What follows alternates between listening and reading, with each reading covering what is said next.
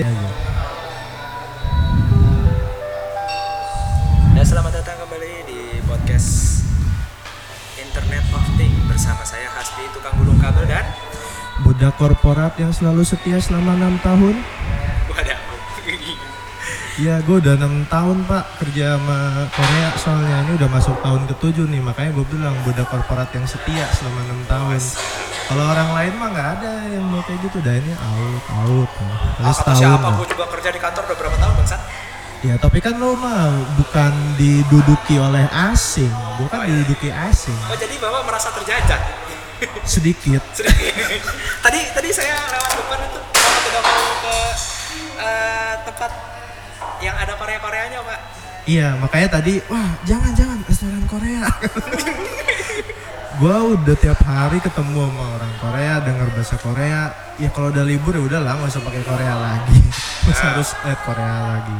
Tapi gue pribadi sih makanan Korea tuh pernah gue pernah makan kayak topoki sama kayak yang ada kayak sushi tuh sushi roll itu tuh kalau nggak salah namanya ah lupa gua itu aja Ya, pokoknya itu itulah. doang gua gua doyannya itu doang karena alasannya cuma satu pas tanya eh, lu doyan ini lu makan Korea enggak gitu kenapa ini mirip sushi roll udah gitu aja.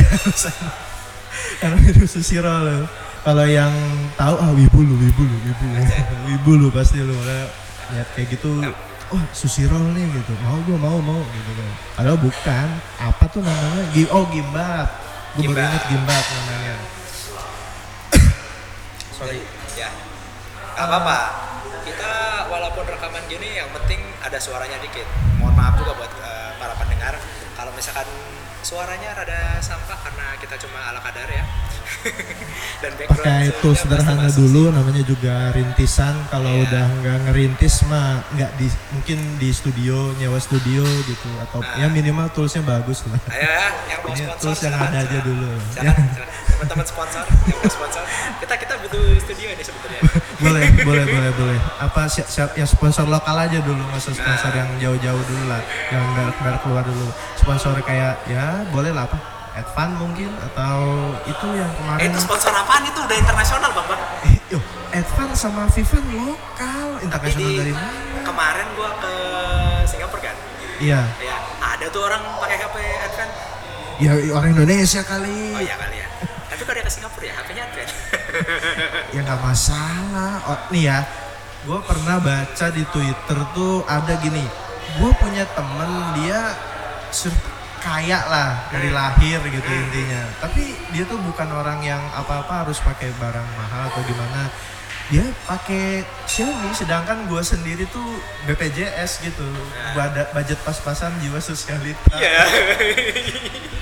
beli-beli iPhone 10R tapi kredit. Tiap siang makannya cuma mie gitu pop mie kayak gitu. Banyak yang kayak gitu. Di Jakarta sih yang kayak gitu tuh banyak tuh. Karena gue pribadi di Jakarta itu orang kerja ya udah pasti iPhone gue kan ke Jaksel ya eh, di itu di PCP building tuh yang kantornya Google itu itu orang Jakarta tuh paling suka pamer nemtek pertama itu. Kebetulan di situ kan didominasi sama Shopee. Jadi Ya. nemtek yang orang-orang gitu tuh banyak. Dan yang pakai nemtek Shopee itu nggak ada yang pakai Xiaomi gitu nggak ada nggak tahu sih kalau emang di rumah mau pakai. Tapi kalau di depan umum yang dikeluarin iPhone. Ya. Terus kalau enggak minimal S10 Samsung harus flagship kayak gitulah kira-kira Padahal Di- di, rumahnya malah kadar ya. bisa aja kan pas di rumah mah nggak dipakai takut rusak gitu pakainya yang jelek ya, mana tahu kita nggak pernah tahu sebenarnya Iya iya. Itu Bisa jadi sih. apakah bener kayak gitu atau enggak Itu sih berhubungan sama ini ya. Kerjaan saya sih pak. gimana tuh Saya kan sering kerja saya tuh di hukum pak ya. ya terus Nah, saya ini sering ketemu gitu sama orang-orang yang eh, kelihatannya punya rumah gedong. punya rumah gedong nggak taunya utangnya gedong gitu Iya, utangnya gedong. Iya emang. Jarang utangnya segedong. Orang punya rumah gedong, tapi nggak punya utang. Jarang, jarang, jarang. Rata-rata punya, rata-rata punya. Nah tapi biasa aja bahkan ketika mau melaksanakan apa sebuah akad atau semacamnya gitu dalam kredit pun mereka menggunakan yang biasa-biasa aja jarang gitu yang istilahnya petatang peteteng misalkan Louis Vuitton Ya kan, ya kan itu kalau mau akad gitu misalnya mau akad kredit atau apa datang pakai barang branded atau ini gue jadi orang bangnya sih gue tolak. Ngapain? Situ udah kaya ngutang terus gitu. mau ngapain sih? Gitu ada yang begitu juga pak. Ketika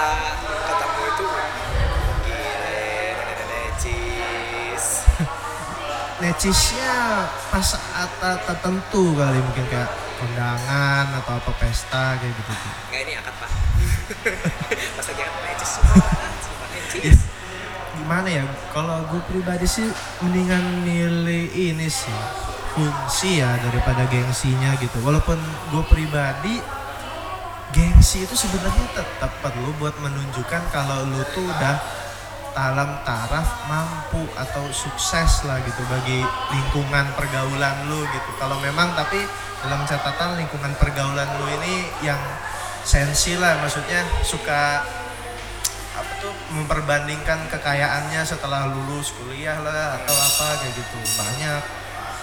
Oh ya soal yang masalah gengsi-gengsi gitu gue tuh jadi ingat sekarang kalau generasi-generasi teman gue yang di kantor tuh tim gue kan udah banyak yang udah pada dia cabut gitu kan Ya. karena orang-orang lama masih ada tapi dikit yang banyak kan orang baru.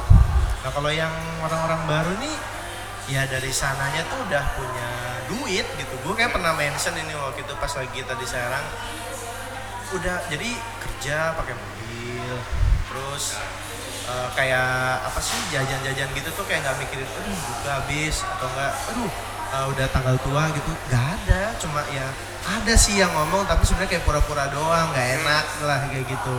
BPJS naik level. Ini aja kemarin pas lagi musim hujan itu tuh yang punya mobil pada pakai mobil padahal yang rumahnya dekat-dekat gitu sih naik motor bisa cuma dianya males lah gitu pakai jas hujan atau gimana gitu males. Pada pakai mobil semua. Akhirnya jadi kawasan tambah macet. Satu mobil satu orang. Iya. Pabriknya lebih dari 10 karyawan pabriknya ratusan. Semuanya punya mobil rata-rata. Gimana? Tuh? satu orang satu. Paling banyak satu mobil dua. Iya. Itu juga Belum kalau yang udah suami istri kadang yang udah suami istri juga istrinya pulang duluan kalau su- kalau suaminya lembur atau apa gitu kayak gitu. Pulang duluan istrinya. Ada Iya. temen gue juga gitu istrinya di NX kan. Dianya lagi ada kerja lembur istrinya pulang duluan. Tahu tuh oh naik Gojek katanya. Pulang ya. Dia baru pulang jam 8 malam istrinya udah pulang dari jam setengah lima. Normalnya kan kalau gue tuh pulang setengah enam karena ya itulah tim leader gue kayak itu shh. Firaun kayak Firaun dia tuh Dia- Firaun dewa matahari ini. dia. Firaun nggak tahu mungkin dulu kayaknya Firaun ngupil dibuang nggak jadi dia dulu Oh. gitu, kayak gitu sorry lanjut lagi kita ke lu udah nah gua. Sekarang bapak nih. Iya. Kerjanya apa sih pak? Kayaknya punya duit aja gitu. Waduh itu atau cuma enggak kelihatan sebenarnya ngutang gitu Wah, kalau ngutang sih alhamdulillah ya. Ada. Ada ada. Pasti ada. Ya nggak nggak mungkin lah kita munafik lah kalau kita bilang kita nggak pernah ngutang sama sekali. Saya tuh kerjanya di bidang hukum ya. Kerjanya ya cuma karyawan notaris aja sih. Ngurus-ngurusin tanah siapa tahu kalau ada yang punya rumah ayo Oh berarti bisa ya kalau misalnya ada orang gitu, misalnya gua gitu nggak suka sama siapa gitu, Ya. gua minta lu gitu, eh itu surat rumah dia balik nama nama gua gitu. nah bisa bisa bisa Ada, Colok, colok, ada harganya, asal cocok harganya. Iya, pasti, iya. pasti bisa. halo halo polisi Gak ada polisinya lagi jaga. oh yang dijaga ya bener Nanti ya kan mau jadi bintang tamu nih. Lagi nanti. nanti mungkin nih next time nanti kita ada bintang tamu polisi Dan nanti tiga orang jadi suaranya ada tiga orang. nggak belum tentu tiga pak nanti bisa aja ada empat pak Saya ada empat ya. USB-nya cukup lah. ya gampang lah kalau kita Bisa ada sponsor dipanjangin. sih jangan kan empat sepuluh bisa masuk Bisa bisa masuk. Cuma paling gede aja filenya mungkin. iya ya enggak lah kalau file nggak bakal gede tetap sama pak ngatur-ngaturnya lagi mungkin kayak tadi yang bikin Iya. lama. Ya paling ya gitu-gitu aja sih nggak nggak bakal yang parah-parah banget. Terus sih eh, mungkin nanti pakai aplikasi lah yang ada lah nggak mungkin nggak. Bisa. Ini kan saat ini nyoba aplikasi yang ini dulu yang free dulu nih OpenShot dulu. Tapi gua kan nggak pernah ya maksudnya gua audio itu bukan fokusnya gua. Bidang Iya. gua itu gua lebih suka ke gadget teknologi gitu apa apa yang aneh-aneh gitu yang apa sih kalau kata Apple mah practically magic. Kayak gitu-gitu tuh intinya yang seamless gue suka ngikutin hal-hal yang kayak gitu yang kalau pas boomers lihat tuh kayak wah ini sihir wah ini gaib padahal enggak itu bluetooth. Atau wifi lah. Biasa. Apple mah banyak gimmicknya. Ya kita nggak menutup kemungkinan juga bahwa eh, di lain-lainnya itu banyak gimmick juga. Tapi emang banyak apa? Capek saya emang sih itu gimmick tapi gini loh Apple itu gimmicknya itu menarik tapi sebenarnya dia tuh nggak pernah bohong sih. Karena dia tuh memang nggak pernah ngasih tahu apa yang dia jual secara rinci. Kalau misalnya dia ngasih tahu apa yang dijual secara rinci dia ngomongnya gini ini iPhone terbaru modelnya sama kayak tahun lalu harganya dinaikin. Udah. Kayak gitu.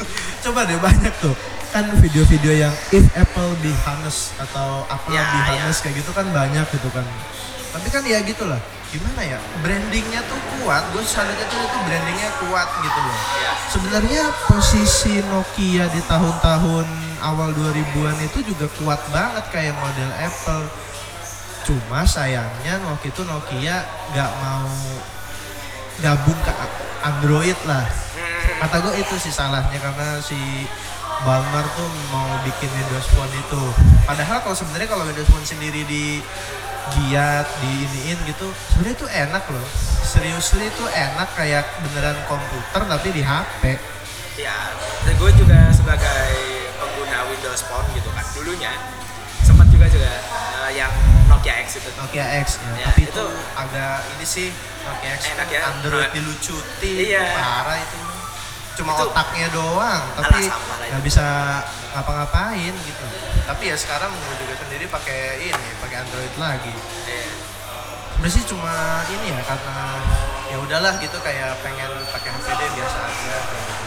Sebenarnya bukannya gua nggak mau sih pakai iPhone. Sebenarnya enak pakai iPhone. Kemarin aja nih lagi gua ngerekam rekam video itu aduh parah banget deh itu di low light nyari titik fokusnya susah banget nih handphone ini itu di iPhone yang 5S itu nggak pernah kayak gitu nggak pernah jitter apa kayak gitu nggak pernah. Padahal Ya. itu handphone handphone 2013 ya buset. Kita kan balik lagi bang. Eh, bahwa kita nggak bisa menafikan satu iPhone itu adalah HP dengan apa nyebutin eh kamera terbaik. Ya best kamera emang iya. Nggak ada nggak ada lawan Gak ada lawan karena dia itu bener-bener ketika apa sih itu istilahnya uh, you get what you see lah ya apa ya kayak gue Ya, misalnya ya. kayak gitu gue setahu gue what, jargonnya what aja. you get is what you see jadi lu lu apa yang lu dapat tuh yang lu lihat bener-bener Ya. warna alami segala macem yang kayak gitu Ah, terus ini kayaknya sudah jauh dari poin-poin kita yang tadi ya Dasar. Iya, emang emang kan nggak pernah bener kalau ngobrol sama bapak. Kapan dikasih titik-titik juga percuma, nanti ujungnya jadi garis melengkung belok. Iya, kan saya kan memang tugasnya untuk ngelawak di sini, Pak. Kalau saya nggak ngelawak, nanti nggak ada yang mau dengerin podcast kita, Pak. Iya sih, emang di situ titik menariknya, titik uniknya sih. Nggak, padahal nggak menarik, biasa aja tuh, Pak. Ya enggak gua ngomong gitu aja biar laku. ya lah. Nah, ini kan Bapak selama ini hidup di Cilegon ya, Pak ya? Hidup ya 8 jam di Cilegon. 8 jam. Terus kalau ke Serang cuma numpang boker doang. Tidur. Oh, tidur. Tidur. Di kamar mandi. Enggak. Teras. Oh, di teras. di teras. Nanti mau kayaknya sih gue mau pindah mungkin nanti bulan-bulan ini atau bulan depan mau pindah ke Cilegon tapi belum tahu sih di mana ya. Mungkin kayaknya Taman Krakatau tapi belum tahu. Saya kira Bapak mau pindah Pindah ya lebih ya sekalian Qatar gitu. Biar ini Banyak peminyakan. Ya. Oh iya, gue kemarin tuh ini sempat dibilang sama temen gue kayak gini, eh Tiko nih orangnya ini ya katanya milenial banget gitu tuh kayak pakai Instagram ini. Ya gue bilang, Mas, gue mah sebenarnya biasa aja sih gue Instagram gue tuh lihat kayak foto-fotonya gitu aja yang bagus gue download jadi wallpaper doang gitu. Ya. Nah, kalau mau diomongin milenial banget, gue nggak gitu-gitu banget milenial karena gue kayak milenial itu kan gini sekarang nih. Contohnya salah satunya kayak apa-apa cashless gitu tuh. Gue gue pribadi bukannya nggak suka ya cashless itu, suka. Cuma untuk beberapa alasan lebih aman aja bayar kayak pakai cash lah kayak gitu. Kayak atau minimal debit kayak gitu, ketahuan. Tapi gini loh bang, Eh, gua nih emang kadang-kadang suka pakai yang cashless gitu kan istilahnya eh, Ya. kayak bawa ATM aja ke mana-mana nggak Ya. terlalu banyak pegang Ah. cash. Heeh. Tapi Indonesia sendiri kan masih nggak bisa kita belum bisa bener ngerasa bener-bener aman kalau kita nggak punya cash di tangan. Iya, emang Karena- apa ya udah kayak budaya apa apa sih Iya gitu sih kalau kalau gimana sih? gue itu balik lagi ke society-nya pak. Kalau Iya. di Indonesia tuh eh, society-nya adalah society cash, basicnya. Society cash, iya. Dan Habis gi- perubahan Heeh. perubahan menuju cashless ini baru dimulai dan belum tentu ya belum tentu berjalan dengan baik. tentu berjalan dengan baik atau terus-terusan kayak gini gitu. Iya. Walaupun kalau di ibu kota sih udah, kalau gue perhatiin tuh emang udah orang udah mulai pakai dompet kartu semua gitu tuh. Karena memang tapi dia nggak bawa kendaraan ke mana-mana, gokar, gojek, taksi kayak gitu. Jadi makanya nggak pernah bener-bener butuhin receh. Nah sedangkan kan kita di sini, ya lu tau lah, parkir di Indomaret nggak ada tadi. Terus pas lagi mau ngambil helm, Keajaiban. Konoha dari mana ini Konoha? Apaan gitu? Kan di Jepang kagak ada yang kayak gitu. Lu nggak bawa recehan juga nggak apa-apa. Nah, berarti- Uang kertas masuk vending mesin kembali. Mau naik kereta di tap. Ayo mau ngapain? Bahkan vending mesin di tap itu kemarin terakhir gua ngeliat di IG storynya gadgetin tuh si David. Itu udah di tap ternyata. Udah nggak bener-bener ada duitnya tuh vending mesin. Ya duitnya udah ke si Langsung. siapa itu yang penyedianya itu Iya. gitu kan. Ya kalau di sini lu mau minimarket, coba deh ada nggak di lu lihat di drama atau gimana gitu si toko utama nih misalnya naik tapi nggak pernah ada yang naik kendaraan sih ya kalau di orangnya pada humble padahal kaya sebenarnya Iya. kalau ngomong kan di sana tuh cirinya punya rumah rumah sendiri yang punya halaman punya tanah. Ya itu berarti dia ekonomi atas. Kalau orang ekonomi bawah itu ya di apartemen apartemen apartemen murah. Kalau- kalau di Indonesia pak. Itu Indo- balik. Indonesia kebalik. Yang Iya. nggak punya halaman rumah itu yang kaya. Gimana ya? Di- jadi musuh apa ini rumah juga kan developer apartemen itu banyak banget kan kayak Agung Podomoro apa itu itu udah punya rumah orang kaya. Gimana nggak rumah orang kaya? Coba ketika iklannya aja hanya dengan 700 jutaan dapatkan iPhone 10s Max bla bla bla. Ah percuma 700 juta. Ya kelihatan harganya juga itu si hadiahnya 20 juta. Kata yang belinya juga ah ini mah handphone anak gua gitu. Iya. Nggak sekalian aja gitu pak ya Eh, ketika ada iklan motor gitu dapatkan helm seharga 20 juta 20 gratis juta plus motor. Enggak, enggak kayak kayak gitu. Eh tapi ada di sini di Cilegon kayak perumahan gitu yang dapat iPad atau apa kayak gitu. Ada. Cuma ya emang harganya sih udah 300 juta sih itu. Cuma Ya. tetap kayak gimana ya ngelihatnya tuh dengan orang yang sudah mampu membeli rumah dengan harga seperti itu gitu ya. Gua rasa sih hadiahnya juga tidak dia incar. Iya, Udah itu cuma punya buat gitu doang kan buat tambahan dia nanti bahkan sekarang kalau kayak di Sarang City hadiahnya bukan itu. Free smart home atau IndiHome kayak gitu-gitu. Karena sekarang orang lebih butuh itu mungkin ya. Dan karena koneksi internet itu kan udah jadi kayak kebutuhan. Gue pribadi aja semenjak berapa nih? Sekarang oh enggak. Umur gue baru 27 bukan 30 bukan. Semenjak umur 20 lah 7 tahun lalu 7 sam semuanya semenjak gue pegang smartphone itu pernah ketika habis kota gue plek habis oh itu kayak orang panik gitu panik gak jelas itu aduh habis deh habis. Padahal nggak ada hubungin juga enggak. Iya. Nggak masalah sih sebenarnya gitu. dan cuma gue juga merasakan gini loh bang ketika Aneh aja kemarin gitu. kan gue sempat jalan-jalan jauh ternyata Iya, iya. eh, aktif yang kuota pertama tuh di hari sebelumnya. Ya ya kan jadi gue cuman dapat kuota sebanyak dua hari. Otomatis di hari ketiga itu kuota gue cuma mengandalkan wifi wifi yang ada di jalan. Nah Nah, di situ terus? ketika uh, gue nggak dapat wifi ya udah lu mati gaya gitu? Enggak enggak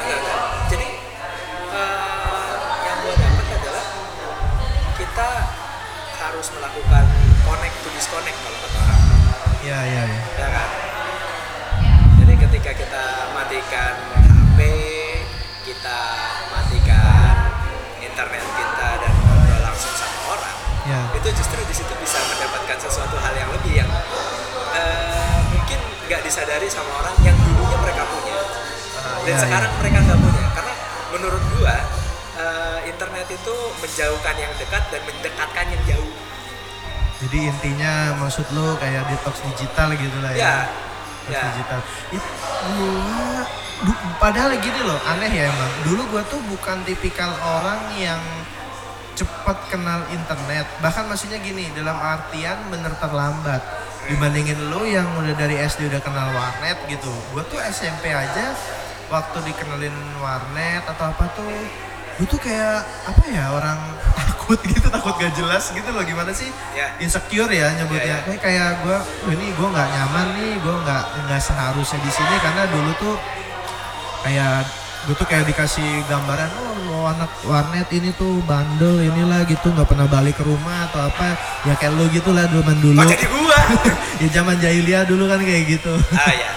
Kayak gitulah modelnya. Tapi Jadi Pak, ke tuh- rumah pak. gua ah tapi semenjak udah lulus SMP SM, masuk SMK jurusannya komputer juga sama internet tuh jadi kayak udah mulai keranjingan gitu lah. Jadi intinya kalau misal sehari gue nggak lihat internet gue sehari nggak ngecek timeline gue gitu.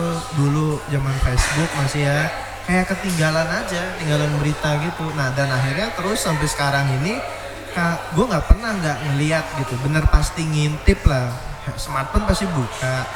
Gue pasti buka pasti balas chat dari cewek gue. Kalau misalnya nggak ngintip internet beritahu nih ada apa sih? Atau kayak misalnya oh ini eh, si Trump lagi berulah apa? Ya, ya Gimana? Ya? sebenarnya itu tuh gak penting-penting amat. Iya, iya nggak nggak penting. Tapi kadang gini loh lo tuh jadi tahu hal yang orang lain nggak tahu atau enggak orang lain tuh nggak pikirin itu ada Hmm. Duh, apa ya? Gue waktu itu kemarinnya nih temen gue sempat oh masalah handphone Google Pixel atau apa gitu. Gue bilang eh ada loh, bisa loh sekarang kayak gini, kayak gitu. Oh iya ta, oh lu tahu dari mana ini itu gitu. Bahkan pernah ada user gue juga nanya, oh mas kok banyak tahu ya ini itu. Ya gue mah cuma bilang ya saya doyannya emang milenial. kayak gini sih pak gitu apa orangnya doyan baca-baca artikel gitu apa emang kadang browsingnya nggak jelas atau apa gimana tapi ternyata yang nggak jelas itu kadang dibutuhin maksudnya dibutuhin dalam artian oh jadi lu akhirnya nyambung sama suatu hal oh, misalnya lu lagi di mana sendirian terus ngedengar ada obrolan orang yang sekiranya nggak sengaja kedengeran lu bilang oh itu tuh yang pernah gue baca kemarin atau enggak oh itu tuh harusnya nggak gitu gergetan tapi nggak kenal mau nimbrung. Aneh jadinya. Nah itu kan balik nih bang, kita kita lanjutin lagi nih, kita ke arah eh, nongkrong tapi nggak jelas. ya, eh, kadang-kadang gue sendiri ya, eh, sering ya, kalau gue emang gue maklum aja sih, Hmm, suka ke kafe sendirian, ya ya. Suka kafe kafe sendirian. Ya. Banyak orang yang nongkrong nih sama teman-temannya. ya Mungkin karena gue emang orang yang ekstrovert ya. ya oh Gue introvert kali kadang-kadang sering introvert kali maksudnya? Ekstrovert bang. extrovert mah berarti lebih Ya. demen sama orang-orang gitu dong ya kalau sekarang kalau dulu mah enggak. Jadi jadi gue tuh sering gitu bang ada, ada misalkan ada orang-orang lagi nongkrong Ya. kafe gitu kan. Mereka lagi ngobrol apa ya gue sering join aja gitu sekarang sama mereka. Ngobrol sama mereka. Ya tapi kadang-kadang gitu ya gue gue juga ketemu gitu sama orang-orang yang eh, diajak ngobrol. Ngeliatinnya HP mulu HP oh ini apa?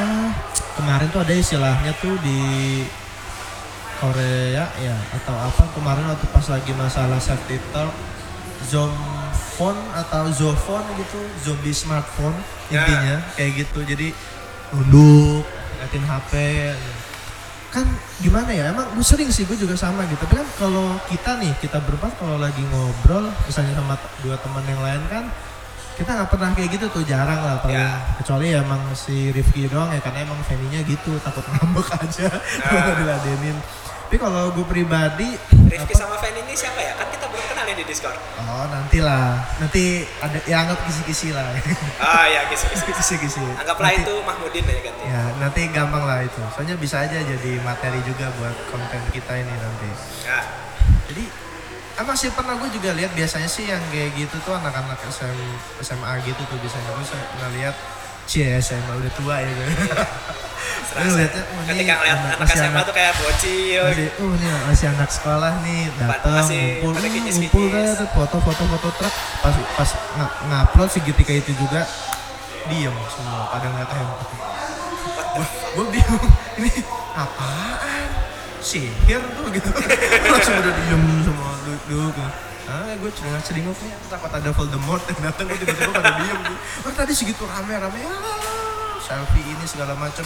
Eh bumerang dulu bumerang dulu. Udah di bumerang habis itu tiba-tiba diem. Nggak tahu mereka pagi pada nguploadin satu-satu di statusnya. Ya. ngumpul 10 orang 10 10 nya sama. Ya. status WA nya sama IG story nya sama. Belum eh, itunya bumerangnya sama semua. Habis itu udah udah pulang. Tapi itu juga terjadi loh di kantor gua. Ya, Gimana? Di kantor gua. oh di kantor Ya, jadi eh, mereka emang bukan orang-orang yang masih muda lagi, bukan anak-anak SMA.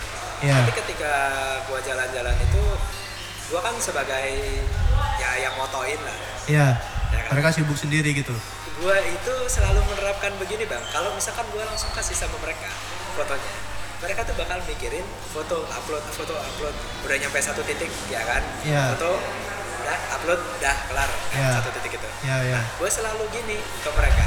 Dan eh, yang gue tangkap sih teman-teman di kantor gue aja kesel gitu ketika gue nggak mau ngasih foto mereka langsung. Ya. Ya kan? Padahal mereka pengen ini ya intinya apa nyebutnya tuh latest upload. Gitu, Iya, iya, latest iya. update Iya, iya. gitu. Padahal sebenarnya nggak penting-penting amat siapa sih yang bakal mereka kasih tahu itu? Tuh orang-orang gitu. Buat ngapain ya buat menunjukkan kalau dirinya sudah berada di Singapura Waduh, tadi dari tadi saya tidak menyebut tempat dapat kan pencapaian orang Indonesia itu ke luar negeri Singapura, Malaysia, Thailand. Biasanya kayak gitu kan. Rata-rata gitu. Dan se- seringnya Singapura karena Singapura tuh lebih enak dilihatnya kelihatan maju lah gitu. Terus belum kayak mendapatkan ini apa view-view yang bagus tuh di situ enak lihat dibanding Thailand. Oh Thailand lebih ke arah tradisional gitu ngelihatnya walaupun antik sih bagus ngelihatnya. tapi kalau gue sendiri ya gue dari sudut pandang eh, seorang yang tinggal di dunia berkembang eh dunia berkembang Berflower. ya plus 62 lah plus 62 nah eh, tinggal atau mencoba tinggal di sana selama beberapa hari itu adalah eh, sesuatu yang tidak enak Culture shock itu baru tiga hari kan. Eh, kalau dibilang culture shock atau gimana bukan Homesick. Oh, no, no, no, no, no. tapi gini eh, ketika di sini kita mendapatkan wisata yang sudah disediakan oleh alam sebutlah misalkan di Cilegon ini ada Anyar dengan Ya. keindahan pantainya yang Ya, tersendiri ya. Lu Singapura lihat pelabuhan doang. ya nanti dulu bang ketika di Serang atau di Pandeglang kita bisa dapat panas Ya, pegunungan gitu ya, kan. ya, dengan udaranya yang sejuk dan Ah. lain-lain. Ya. itu kita nggak bakal bisa dapat itu di sana. Karena semua hiburan yang di sana itu main-main pak. Main-main jadi se- sensasi selama ini yang gua jalani adalah jalan-jalan ke beberapa tempat di Indonesia. Gue itu selalu mendapatkan eh, apa namanya tempat-tempat wisata yang pasti ada hubungannya dengan alam Ya. Eh, dengan kesejukannya dengan udaranya yang enak Hmm. dan sedangkan di sana kita selalu mendapatkan yang man-made yang ujung-ujungnya adalah foto-fotonya harus ada orangnya untuk menunjukkan kita di sana bahkan gua sendiri aja Iya. memfoto uh, mau foto apa namanya ya tempat tertentu ya pasti ada orangnya juga kita pernah ada di situ gitu kan Ya. nggak nggak bisa gua benar-benar dapat kayak kemarin gua ke Jogja Ya, ke Jogja. itu gua bisa ngambil satu foto yang isinya nggak ada Landscape. guanya Landscape. Oh, landscape main Landscape-nya landscape aja tuh. gitu kan. Enak main landscape-nya. landscape tuh Ya, kalau Singapura itu kan emang main landscape-nya cuma gitu-gitu ya, me ya metropolis udah emang kayak gitu sih. kurang kurang nyaman Ya mungkin lu karena tipikal yang orang lebih suka dekat sama alam Iya. gitu. Makanya ketika yang urban ya, urban kayak gitu lu kayak merasa kurang nyaman ya ah gini doang kayak gitu apa gimana. Kalau gue pribadi sih gue tuh sebenarnya tipikal yang lebih suka wisata perkotaan kayak gitu kalau gue sih karena dan gue juga tuh bukan orang yang mengabadikan. Gue tuh tipe kalian menikmati karena kalau lagu lagi keluar lagi jalan-jalan ke mana gue jarang lihat moto-moto gitu tuh jarang. Kecuali emang ap- apa ya menarik banget gitu yang banget banget gila intinya. Foto baru. Tapi kalau yang cuma kayak sekedar pemandangan atau apa gue lebih ya udah gue mah lupa. Gue tuh lupa kayak lupa gue bawa handphone. Udah gue lihat uh bagus ya kayak gini ya. Ibaratnya diserap sama otak gua aja udah cukup gitu. Karena gue tipikalnya yang kayak gitu. Karena studi juga tuh menunjukkan orang yang selalu upload-upload media sosial itu belum tentu bahagia sebenarnya. Mau itu dia foto cuma kayak foto landscape atau nggak dia misalnya uh mes, apa bermesraan sama ya pacar atau istri apa gimana itu belum tentu loh sebenarnya. Karena apa ya yang di ditongol yang ditunjukkan di media sosial itu kan persona yang lain. Iya. Persona sempurnanya dia dia versi sempurnanya perfectnya versi finalnya versi 3.0 nya ibaratnya kayak gitu.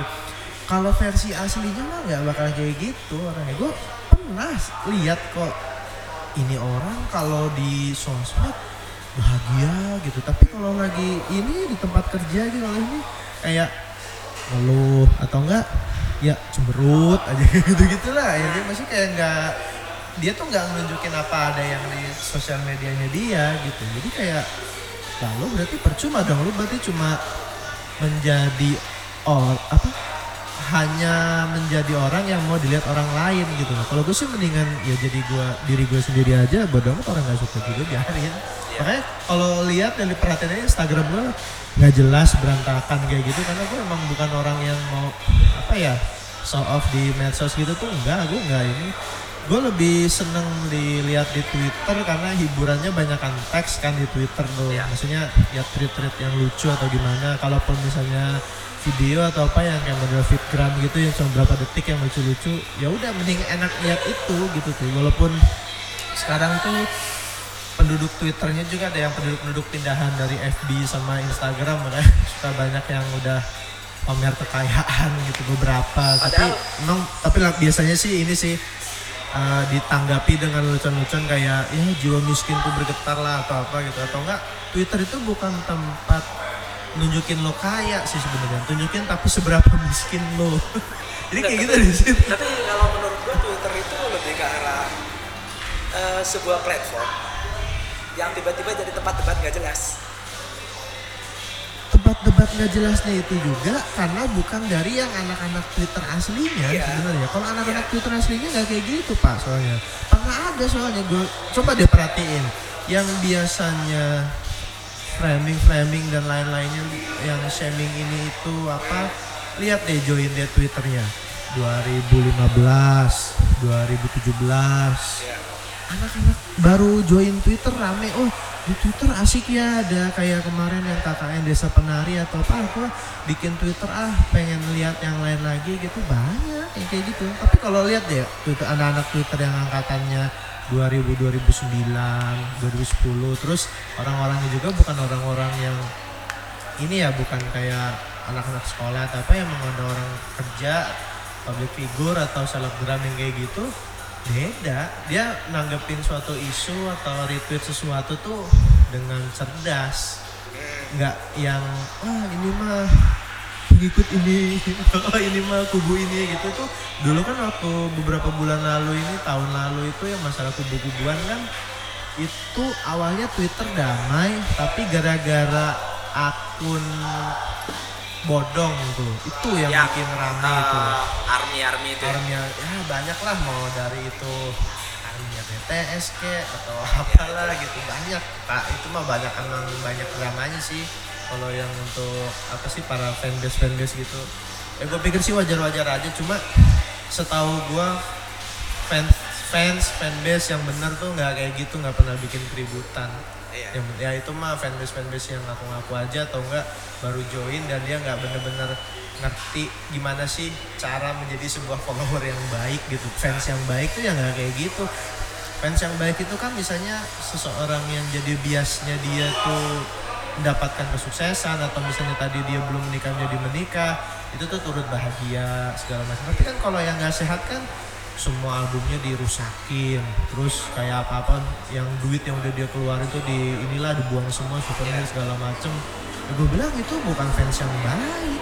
Fans yang baik itu justru ketika wah dia udah ini sekarang akhirnya gitu dia nikah oh, akhirnya dia mendapatkan pencapaian sesuatu misalnya dia lulus kuliah gitu kan ibaratnya kayak idol group gitu misalnya. Itu harusnya malah makin disupport bukan ditinggalkan gitu loh Sa- setelah harusnya ya menurut gua Iya, ini iya. mah.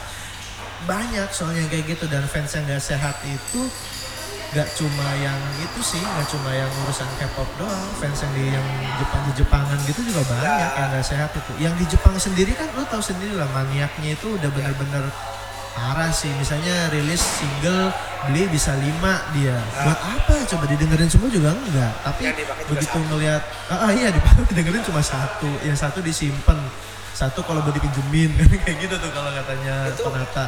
Eh, itu bukannya satu bentuk cinta fans ya? Ke terhadap pemujaan yang berlebihan. Ya. Kayak gitu. Tapi kan itu balik lagi itu eh, bisa disebut sebagai ngewibu terhadap satu apa namanya bentuk Seiyu kayak gitu seiyu Ya. atau kayak gimana kan ya nah balik lagi nih bang ke lu pribadinya ya sebagai eh, apa nih animal lover ya asik Ya, level lah Sebagai buat apalah. Gue mau kalau otaku nggak nggak di kejauhan ilmunya tinggi itu. Nah. Harus udah banyak namatin manga, dojin dan Nah. lain-lain. Eh, lu kan selama ini menikmati banyak nyebutnya apa ya hasil karya mereka lah Ya, hasil karya mereka. Iya. Nah, terus eh, lu nih sebagai bisa disebut sebagai fans gak ya?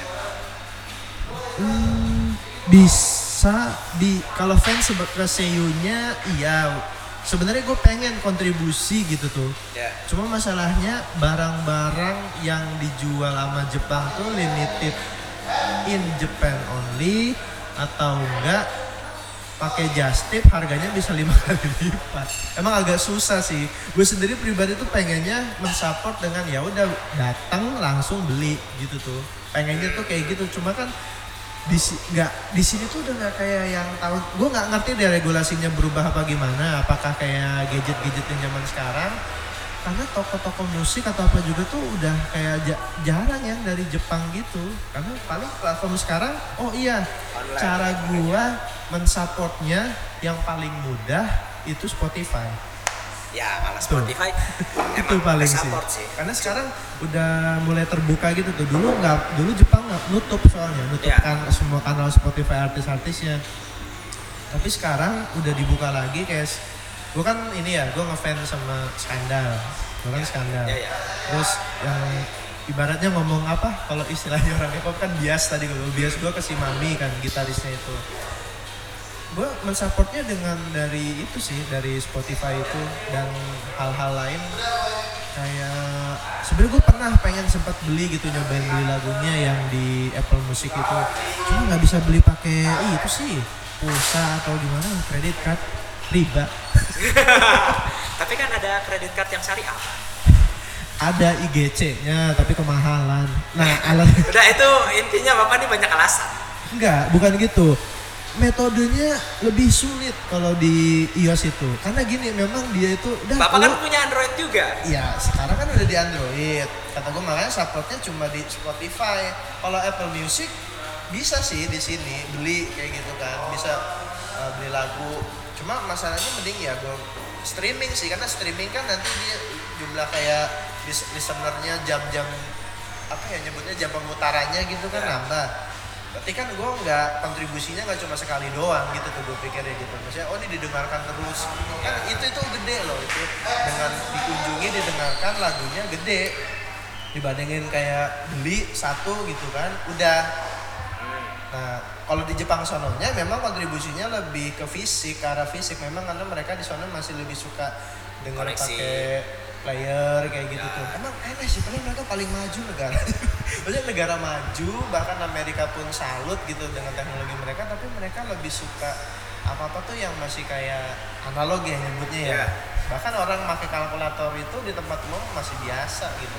Mungkin kita sekarang kalkulator ngeliat kalian di kasir apa gimana tapi kalau di sana tuh biasa orang pakai alat tulis pakai kalkulator kayak gitu-gitu tuh biasa. Orang bawa kamera tuh biasa.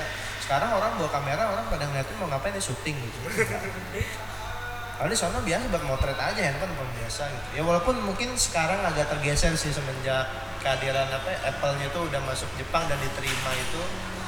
Emang sekarang artis-artis seiyu tuh gua, banyak gue perhatiin itu mereka udah pada pindah ke ini semua. Bahkan di Sony sendiri nggak punya pasar di negara di tempat tinggal tinggalannya dia itu. Malah kalah lah gitu Ya, malah malah menang dari produk luar. Emang bagusnya terbuka sih. Sebenarnya Jepang tuh nggak kayak yang ah gua nggak suka produk luar jelek ini itu. Mereka stigma yang kayak gitunya udah pada dibuang jauh-jauh. Dulu, dulu kayak gitu. Dulu setahu gue kayak gitu. Tapi mereka mau nerima perkembangan zaman lah. Karena mereka sendiri kan mengekspor produk mereka gitu ke Ya. semua seluruh dunia. Akhirnya mereka pun ya masa sih nggak mau gantian lah. Walaupun setahu gua punya jatah lah pasar asing itu buat masuk Indonesia cuma berapa Ya, persen doang gitu. Dan sisanya memang harus produk lokalnya Jepang. Hmm. ya gitu.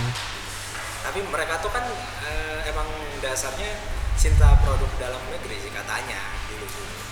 Gak tau deh kalau sekarang. Kalau yang cinta produk dalam negeri itu Korea sebenarnya nah kalau Korea sih emang kalau Korea sih. itu gitu emang nggak mau dia pakai Tapi yang gua ya, gua itu. kemarin sempet ngobrol juga sama beberapa kan gua kan main game. Eh, game yang bikinnya yang Korea Ya. juga sih emang pasar.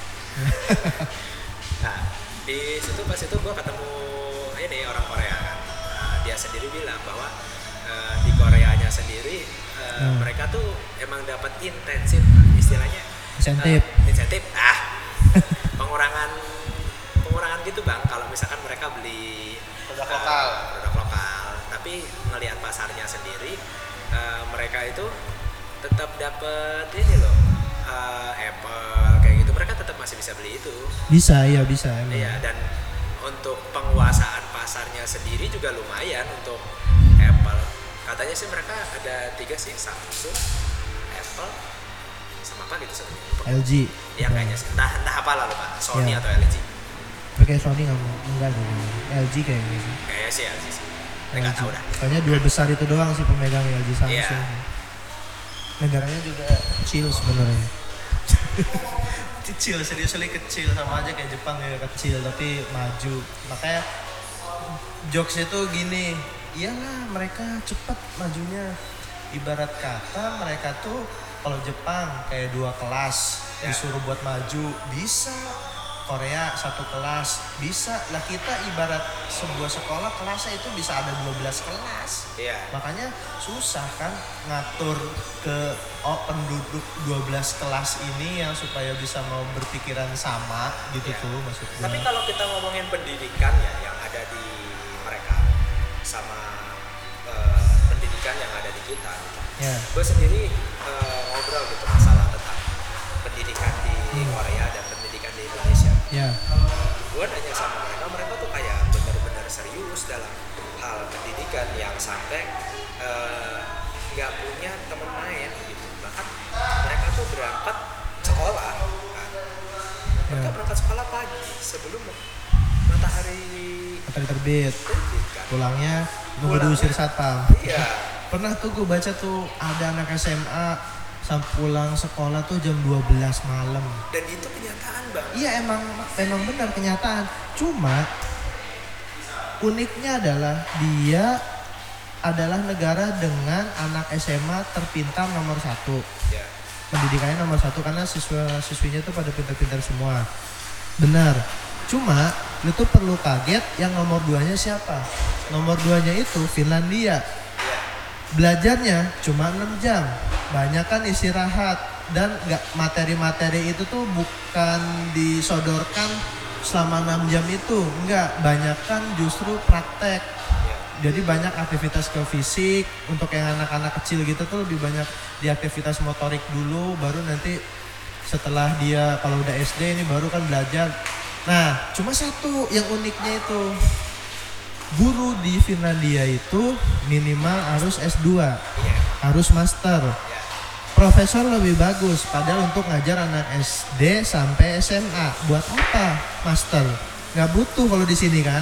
Di sini master mau daftar ngajar anak SMP, diusir. Pak, universitas aja. iya Padahal benar kayak gitu. Makanya mereka punya metodenya tuh efektif. Kalau gua suruh milih, mending di Finlandia lah. Belajarnya Iya. cuma 6 jam. Iya. Tapi lu nanti pinter dalam golongan orang-orang terpintar gitu di dunia nomor dua. Nah, sed- tapi nomor satunya tuh harus sampai kayak begitu gitu. Kayaknya nggak perlu deh. Makanya buktinya nomor dua kan bisa seperti itu saja. Gimana kalau jamnya ditambah? Yakin gue langsung jadi nomor satu orang. Finlandia. Ibaratnya tapi kayak kan gitu. itu nanti eh, bakal berlawanan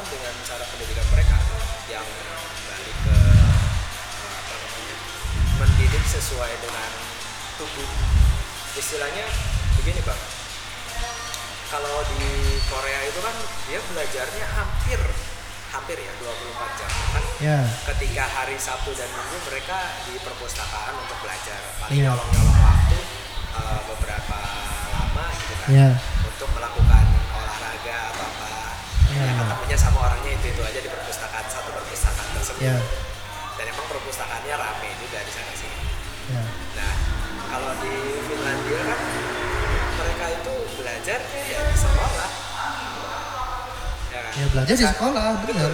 belajarnya di sekolah aja di- tapi efektif. efektif Gitu. karena eh, mereka tuh menyesuaikan umur Ya, dengan porsi umurnya itu loh. Jadi Iya. tentang umur ya. kayak eh, ibaratnya kayak kita olahraga aja otak itu sama aja kan istilahnya punya batasan lu misalkan eh, olahraga kita sebutlah misalkan eh, lari ya. Lari kalau kita lari kelamaan sakit bener sakit pasti. Benar. ya kan? Pasti sakit kan? Tapi kalau kita lari secara bertahap misalkan eh, hari ini kita lari satu jam. Ya, besoknya satu jam lima menit. Ya, besoknya satu jam 10 menit. Iya. bertahap bertahap bertahap seperti itu Iya. nggak bakalan kerasa sakit. Sama juga halnya dengan otak kita misalkan belajarnya langsung jebret kayak teman-teman yang di Korea ya.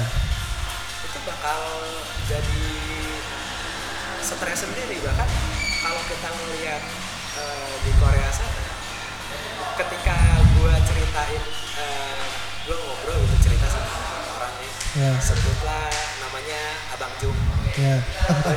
gue panggilnya Abang Jung Bang Jung. Ya, ya, ya. ya. gue panggilnya Abang Jung nah gue tanya tuh sama si Abang Bang di sana apa sekolahnya gimana wah matahari belum terbit gue udah siap-siap matahari udah tenggelam udah kegelincir jauh gue baru bisa pulang sebenarnya sih emang mereka tuh pulangnya jam 5 sore Iya, normal sebenarnya. Cuma memang mereka sendiri itu. Enggak kalau loh. dibilang normal enggak bang. Kalau gua ceritain, eh, dia cerita itu udah terjadi dari kapan? Bahkan dari dia SD.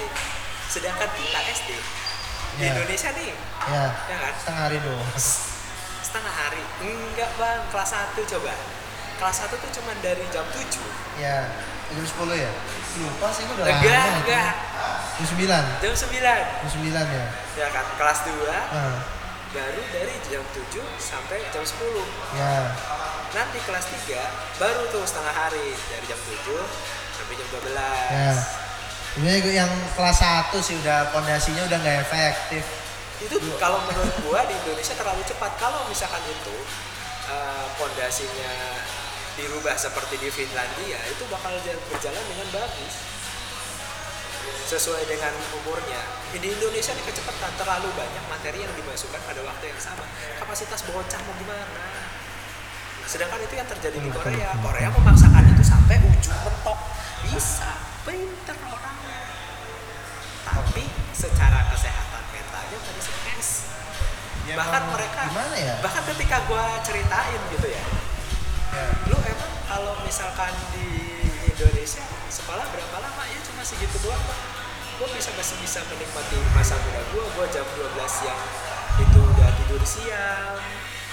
Bangun sore sore main dulu main bola udah malam belajar bentar habis itu tidur katanya. "Ya, sedih banget gue gue aja sekolah terus belajar terus gak ada main. Gak ada yang namanya main paling main itu cuma satu minggu. Itu juga kalau nggak les. Masih les juga ya satu minggu ya. ya. Soalnya gini eh, balik lagi bahwa ya kita nggak memungkiri juga ada orang-orang yang seperti itu di Indonesia. Dan Ada, ada, ada. Ada. Buktinya bimbel banyak. Bible Bible aku Banyak. tapi di luar itu eh, di Korea sana itu yang sulit adalah untuk masuk ke universitas. Mereka bahkan dari kecil udah dipersiapkan untuk eh, merasakan terpaan belajar yang gila-gilaan. Ketika mereka nanti mau tes masuk universitas mereka bisa dapat universitas yang bagus Universitas Persaingan- negeri iya, gitu iya, lah ya karena, di Korea iya, gitu karena ya. persaingan untuk masuk universitas. Itu. Kalau mereka tidak bersaing untuk masuk di universitas mereka kayaknya rada santai-santai aja kayak kita ya walaupun kita juga bersaing sih. Di sekolah di Indonesia bahkan terjadi persaingan yang lumayan. Ya, bahkan sampai ya kita nggak mau menutup kemungkinan bahwa itu laku. Ya. ya kan Cuma gue pribadi tuh ngelihat karena orang Korea tuh gini loh ya, karena gue sehari-hari kan kerja sama orang Korea. Mereka tuh terlalu textbooks, apa-apa tuh textbook. Jadi berdasarkan apa yang ada di buku, mereka tuh anggap tuh udah bener, udah. Jadi mereka tuh nggak bisa lihat sudut pandang lain gitu loh. Jadi kalau misalnya gini, gue pernah masalah apa kayak gitu kan. Gue tahu itu teorinya memang harus seperti itu, tapi ada cara lain supaya kita tidak menempuh itulah gitu intinya. Cuma itu mereka nggak percaya. Akhirnya ibaratnya gue ya gue egois lah gitu. Udah sini gue yang ngerjain kayak gitu kan. Let me do this job. Begitu selesai dia kaget. Oh bisa? Kata gue ya bisa. Lo aja kan gitu loh maksudnya. Jadi sebenarnya ini di masalah ini sih Asia sih kalau gue bilang. Karena kan As Asia Timur ya sama aja kok. Walaupun gue justru gini karena gue ininya wibu gue banyak tahu soal Jepang jadi gue bisa balance gitu. Gue bilang tetap kok Jepang Korea Jepang Korea Taiwan tuh mirip. Ras eh, sorry nah, kalau, sukunya nggak terlalu mirip pak. Nggak terlalu mirip cuma gini sukunya emang sama dari Cina kan semua juga dari mainland China. Bahasanya mirip-mirip hampir mirip yang beda cuma bahasa Korea karena gue rajanya dulu raja apa kaisar gitu nyebutnya dia tuh bikin bahasa sendiri. Ini gue tahu dari ini ya waktu itu pernah ada training dari kantor karena kesian ngelihat rakyatnya itu pakai bahasa tubuh sama bahasa kalkulator ya bahasa bacus gitu. Jadi kalau dia nunjuk misalnya mau beli apa nih gitu. Ya. dia cuma tek ngasihin abacus nih segini harganya ya kan? Nah nih si kaisar nih lagi nyamar gitu ngeliat kasihan. Akhirnya dia bikin huruf huruf sendiri.